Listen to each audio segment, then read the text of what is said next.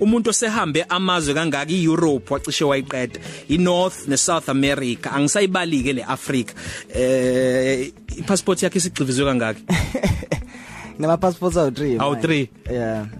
umucabanga mangaka Isiyagcwala nale yokugcina. isiyaqala nale yokugcina La utho sekugcwele manje. konke lokhu kuqale ngamuphi unyaka 2016. 26 kusondelela eminyakeni owu4 Yeah. ucabanga namazwe so hayi la ospendile Eyangazi. Awazi, eh? maningi.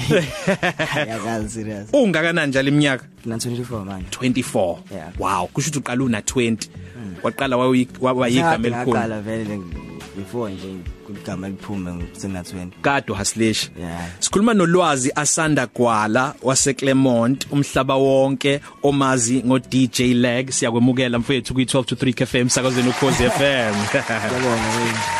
Angimbongo producer wethu Thozama ngoba ungomunye wamagama kwi entertainment industry okukhulunywa kakhulu ngawo na busy kakhulu uyafika nje eh, usanda kubuya eLA Yeah. eh, la khona bekunama Grammy Awards awusitshele kuhambe kanjani ikakhulukazi ngiyawufuna lo muzwa njengoba kwa- ngalelo langa kwakushone uKobe Bryant Yebo kona kwakuke kwakudabukisa ngoba ngathi ngivuka nami ekseni nje ngabo 10. Ah wakhulunywa ngayo lento ku radio abantu emgaqweni ukhulunywa ngayo. Mina ibasketball angiyazi nokuyazi. Yeah. Kodwa ngagcina sengazi ukuthi ubani umuntu oshonile ngoba nje sithi yonke ayiset into enzeka.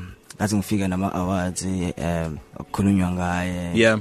Eh u Mick Millie no DJ Khaled bashaya i i performance eh, i tribute to Ngayibona. yena eh Ngayibona. no Nipsey Yeah. so nje yeah kodwa kwaku- kwakumnandi kuba ngama Grammy awunikeza umuntu isithombe o- ama Grammy Awards ukuthi kuqala kwenziweni koma pribani bese kuba umcimbi omkhulu noma after bani nokuthi kwenziwani kusuke kuxoxwani awusinikeze nje isithombe njengomuntu osehamba izinto ezinjengale nina no Black Coffee no Trevor no yeah eh mina ngaba nenhlanhla ukuthi eh, abantu bama Grammy kwayibona aba abazwayo ngami bangithola Yeah. And kwa nga submit umsebenzi wami i- i- iPM lengayikhipha ngaphansi kwe company ya Diplo yeah iMedicent igama la iPM iUhuru um ngikhiphe last year and then ama Grammy kathi ngise LA ngizosebenza kulento le ya Beyonce Yeah. babona ukuthi ngikhona bangibiza kwi office la khona bafuna ukukhuluma nami bazi ngeqhomo ukuthi "Ah, qhamuka kanjani nani nani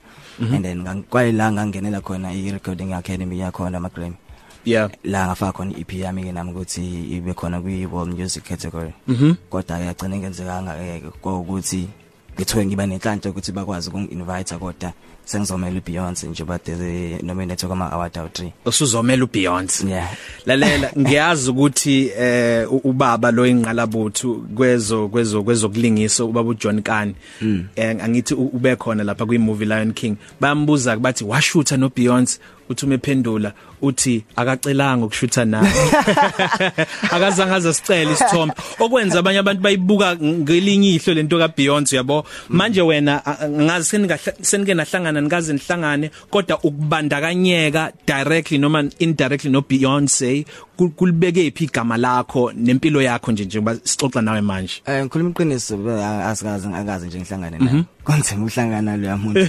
Konzima ngisho ukukhuluma naye ngoba ah ngathi bengibizile ele kwi i- office la khona iphagodi ngafika Yeah. kwakhona izidude babezenzile encane nje for producer babeze basebenza ku album. bazenzela nje leyo specially leyo project Mhm. Yeah, yeah kwakhona izidude mhlawumbe sazo 5 kwakhona o producer abahlukene. What? Yeah.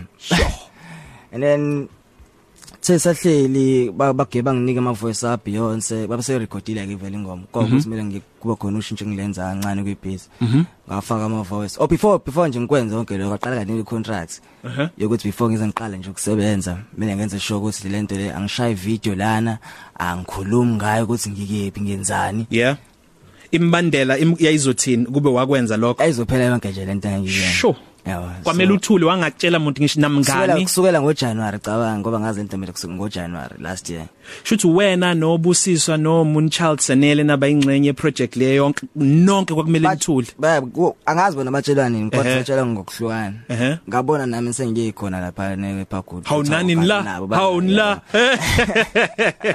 kulungile mfowethu kodwa ke awu- awusibuyisele awusibuyisele Clermont kwadabeka ko Uhuru mhlawumbe n- mina ngazi lapha ko Gqomoze eh, uyabo Wawuke wayicabanga nje udlala igqom ngale yamnyaka o 2010 2011 2012 ungafinyelela kuleso sigaba nokuthi yini leyakwenza ukuthi ukholelwe kuyigqomo ingakabi naloku khazikhazi attractive bekugqoma sikhuluma iqiniso yayihambisana nokujuluka no- no- no- nokuminyana nje okukhona yeah Awu- awu- awusithathe ubuyisele kule yaminyaka udlala ko uhuru eh eish eh mina kudala ukukhuluma iqiniso ayigqoma angalishaya ngangu producer we hip hop kahle kahle ah khona ukhaza nami ethi uphakeme uyena umuntu ongifaka music kakhulu eh angihlezi ngihamba naye nje studio la recorda khona Yeah. and then lokho ngif- ngibona lo mjide lo oye- oyem- oyemproducer luphakeme ukuthi yini lento eyenzayo abangifisa ukuyazi Yeah. and then bangitholela uma bangithengele icomputer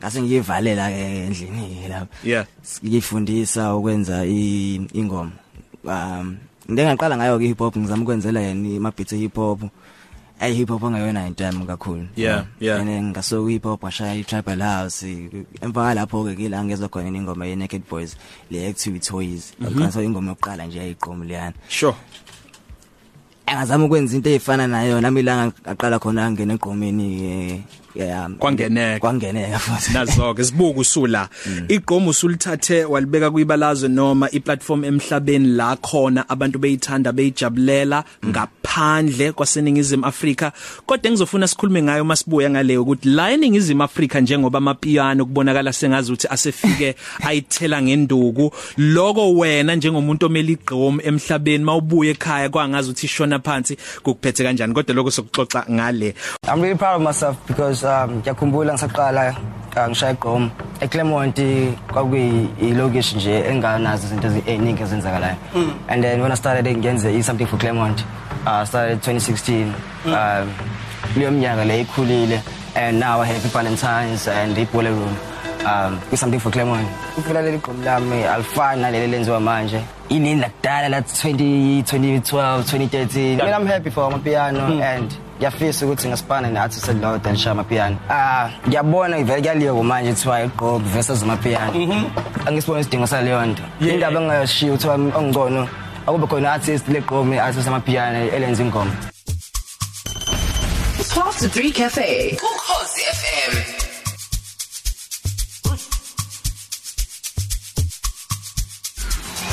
Cook Past the 3 Cafe. Oy, eh, oyster box emhla. DJ Maporisa comes at a small lodge. 16 minutes before 3 ngiyakiza kule clip ade sidlala DJ le khuluma ngokuthi akumele ngabe sikhuluma ngokuthi kuyancintiswana phakathi kweqom namapiano kunalokho kumele sibe nezingxoxo ezinenqubekela phambili kunalokho yeah yeah yeah yeah. angisiboni ngempela mina isidingo Yeah. sayentenza la Kuwukuthi- Kodwa sami sizodlula mhlawumbe kukuthi nje sabantu siyayithanda into ezoba naleyo drama nje yabona beef cha uziveke ngisibona isidingo sokuthi njalo bekhona ijenera entsha yeah kumele kube khona ezovala yeah why indaba ngingathanda nale nale ngithanda eh silidlele sonke leli Yeah. cake yeah yeah ngiyakuzwa ngiyakuzwa indaba ngibuka kanjani ngibuka kanjani thozami yeah we all get the piece of the cake u direct translation hey usuyangimakela usuyangimakela kukhona ke kodwa okunye mhlambe okuke kwaba ngaphezulu kokuthi ukuncintisana kodwa kwakungena enkantolo asazi kuke kwathuleka ah, mhlambe sekuphelile indaba yengoma omunye luke luke- luke luphi iqophelo manje lelo daba eh kuba kuba kwaba khona imeeting kaSamre eJoz eJoz basibiza kwamina nomphathi ah kwakhulunywa still kusaphekiswana and then bathe bazositshela sebesinika idate ekuya ecourt Okay so wena uthini o- o- okwakho oza nakho kuthini? mina ngithi beat yakojele yami Yeah. yeah Ufunani? phela lokho Ufunani ngalokho? yeah mina ngithole iperson lami Ipercent lakho. Yeah. All right. So abakulisayo bona bathini? nawe bathi "Hhayi, ngeke kwazi kwenzeka lokho." Angeke kwa- ngikwakwenzeka. yeah Kungake kwenzeke nje mhlawumbe uthi yazini lento isingiphathisa ikhanda, iheadache, awuthi ngiyeke phansi noma usulwa nje ngobulwela umgomo lokuthi it's about iprinciple manje. nagcine into meli yenza ngendlela eright Indlela eyiyona eh ngoba amandla akho futhi Yeah. ithukuthuk zakho. kulungile mfowethu asiqhubeke nodaba lethu ke olinga involve izinkantolo ade sikhuluma la ngokuthi eh, ngicela ukuthi asishoot ngoba sesishuthile saposta eh, sofaka futhi sikhona njengamanje ku Instagram live at at, at siyamhlongo SA at siyamhlongo SA inselelo eziza nokuduma ngoba okwakukuduma futhi akusekona lokho kunormal kwaseningizimu Afrika kuphela mawuhlangana nabantu bafuna ukushutha kodwa ngokungaphezulu kwalokho iziphi inselelo nazo ngoba ngekubona u- u- u- uyafanya uyakwazi ukukhuluma kodwa ngazi ukuthi unamahlonyanyana F- f- f- ngu- ngesingawe nje usayi usawena nje umfana wakwadabeka Yeah. awusitshele ngalezo inselelo obhekene nazo Ah, ah, akaka ukubi kakhulu yabo abantu inqwaba abantu la abangazi ebusweni Oh, bazikhamba kuphela okay. so sakwazi nje ukwenza noma yini kuhle komsakazi abaziphimbo lakhe okay Yeah. so kuma DMs slide abangaki nje mhlambe ngosuku bethi hey Hey, nakho. hey leg hey leg ayiboni ukukhuluma ngala kweze family mfethu awusitshele ekhaya khona bani noma mhlambe wena eh, nazi incosi ngiyazi usamncane na 24 uhleleni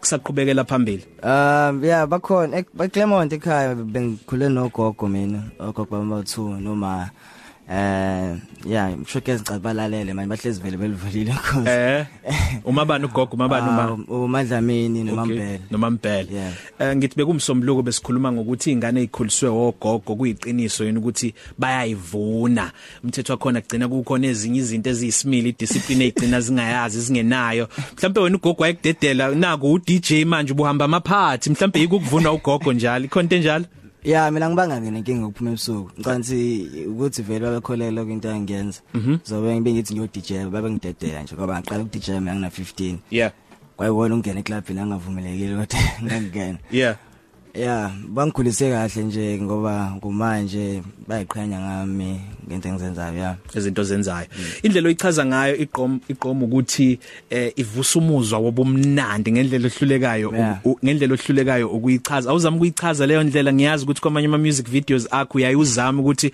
uyi- usivezele leso sithombe seqom according to DJ Leg awuzama ukuyichaza nje Eish, achaze nithi iqom.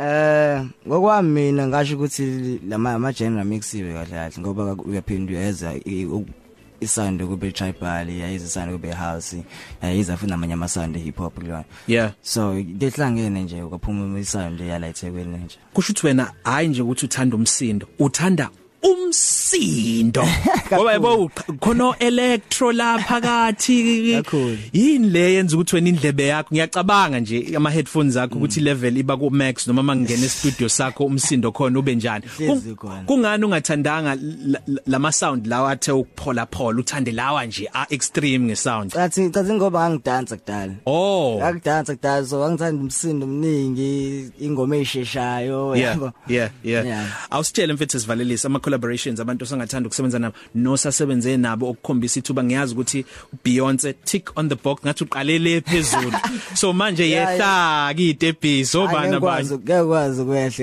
ukwehle Ngeke kwazi ukwehle? uqhubeke phezulu owamanye ngeke ngikwazi ukumkhipha wamanje kodwa khona omunye ozayo awaphesha ozobe ku-album yami and then khona ingoma engizoyishaya noShoma Jozi enye futhi engizoyishaya noMoonchild eh ngenzeka futhi nobusiso oh nice so nje angikhipha i-album yami yokuqala kulonyaka abantu bayilindele manga browser nje ifoni yakho ngale nje inamba nje mhlambe zama celebrity amakhulu ngathola ziphi nje mhlambe Nah. Lezi- laba ba- laba baphesheya ngiyacabanga next year sokubona abaphesheya abaningi kodwa ikhona eya Diplo ikhona eyakhelele Nice. Cabanga ukuthi sokubona nawe mhlambe kwa Rock Nations party ngonyaka ozayo Jay-Z masebe kumem noma ephathini ka ka Puffy. asithembe Asithembe, eh? ngoba ngizophinda futhi kwama Grammy kumele ngigcine ngiwinile Dazoke mfethu. Sibonga kakhulu ukuthi ufike uzoyiwina mfethu uzoyiwina noma kanjani. Sibonga kakhulu ukuthi ufike isikhatsi sakho siyazi ukuthi sibaleke kakhulu okuhle kodwa mfethu. Siyakuthanda siumsakazo ukhozi FM siyakuthanda siningizimi Africa.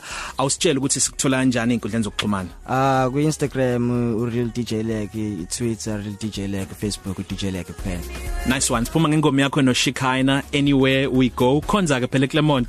ah ngithi salute kaSlam iskomplazi ngicwele ngani eh, 20 ebo mhla ka 4 April something for Clement yabuya wafethu Dazoke sibonga kakhulu DJ Lag.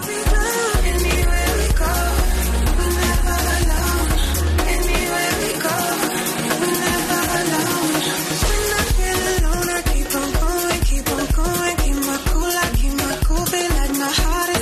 do it? Can I do it? Inspiration you found for me out the blue. Coffee Cafe. Ilunch yakho ayifani neyizolo.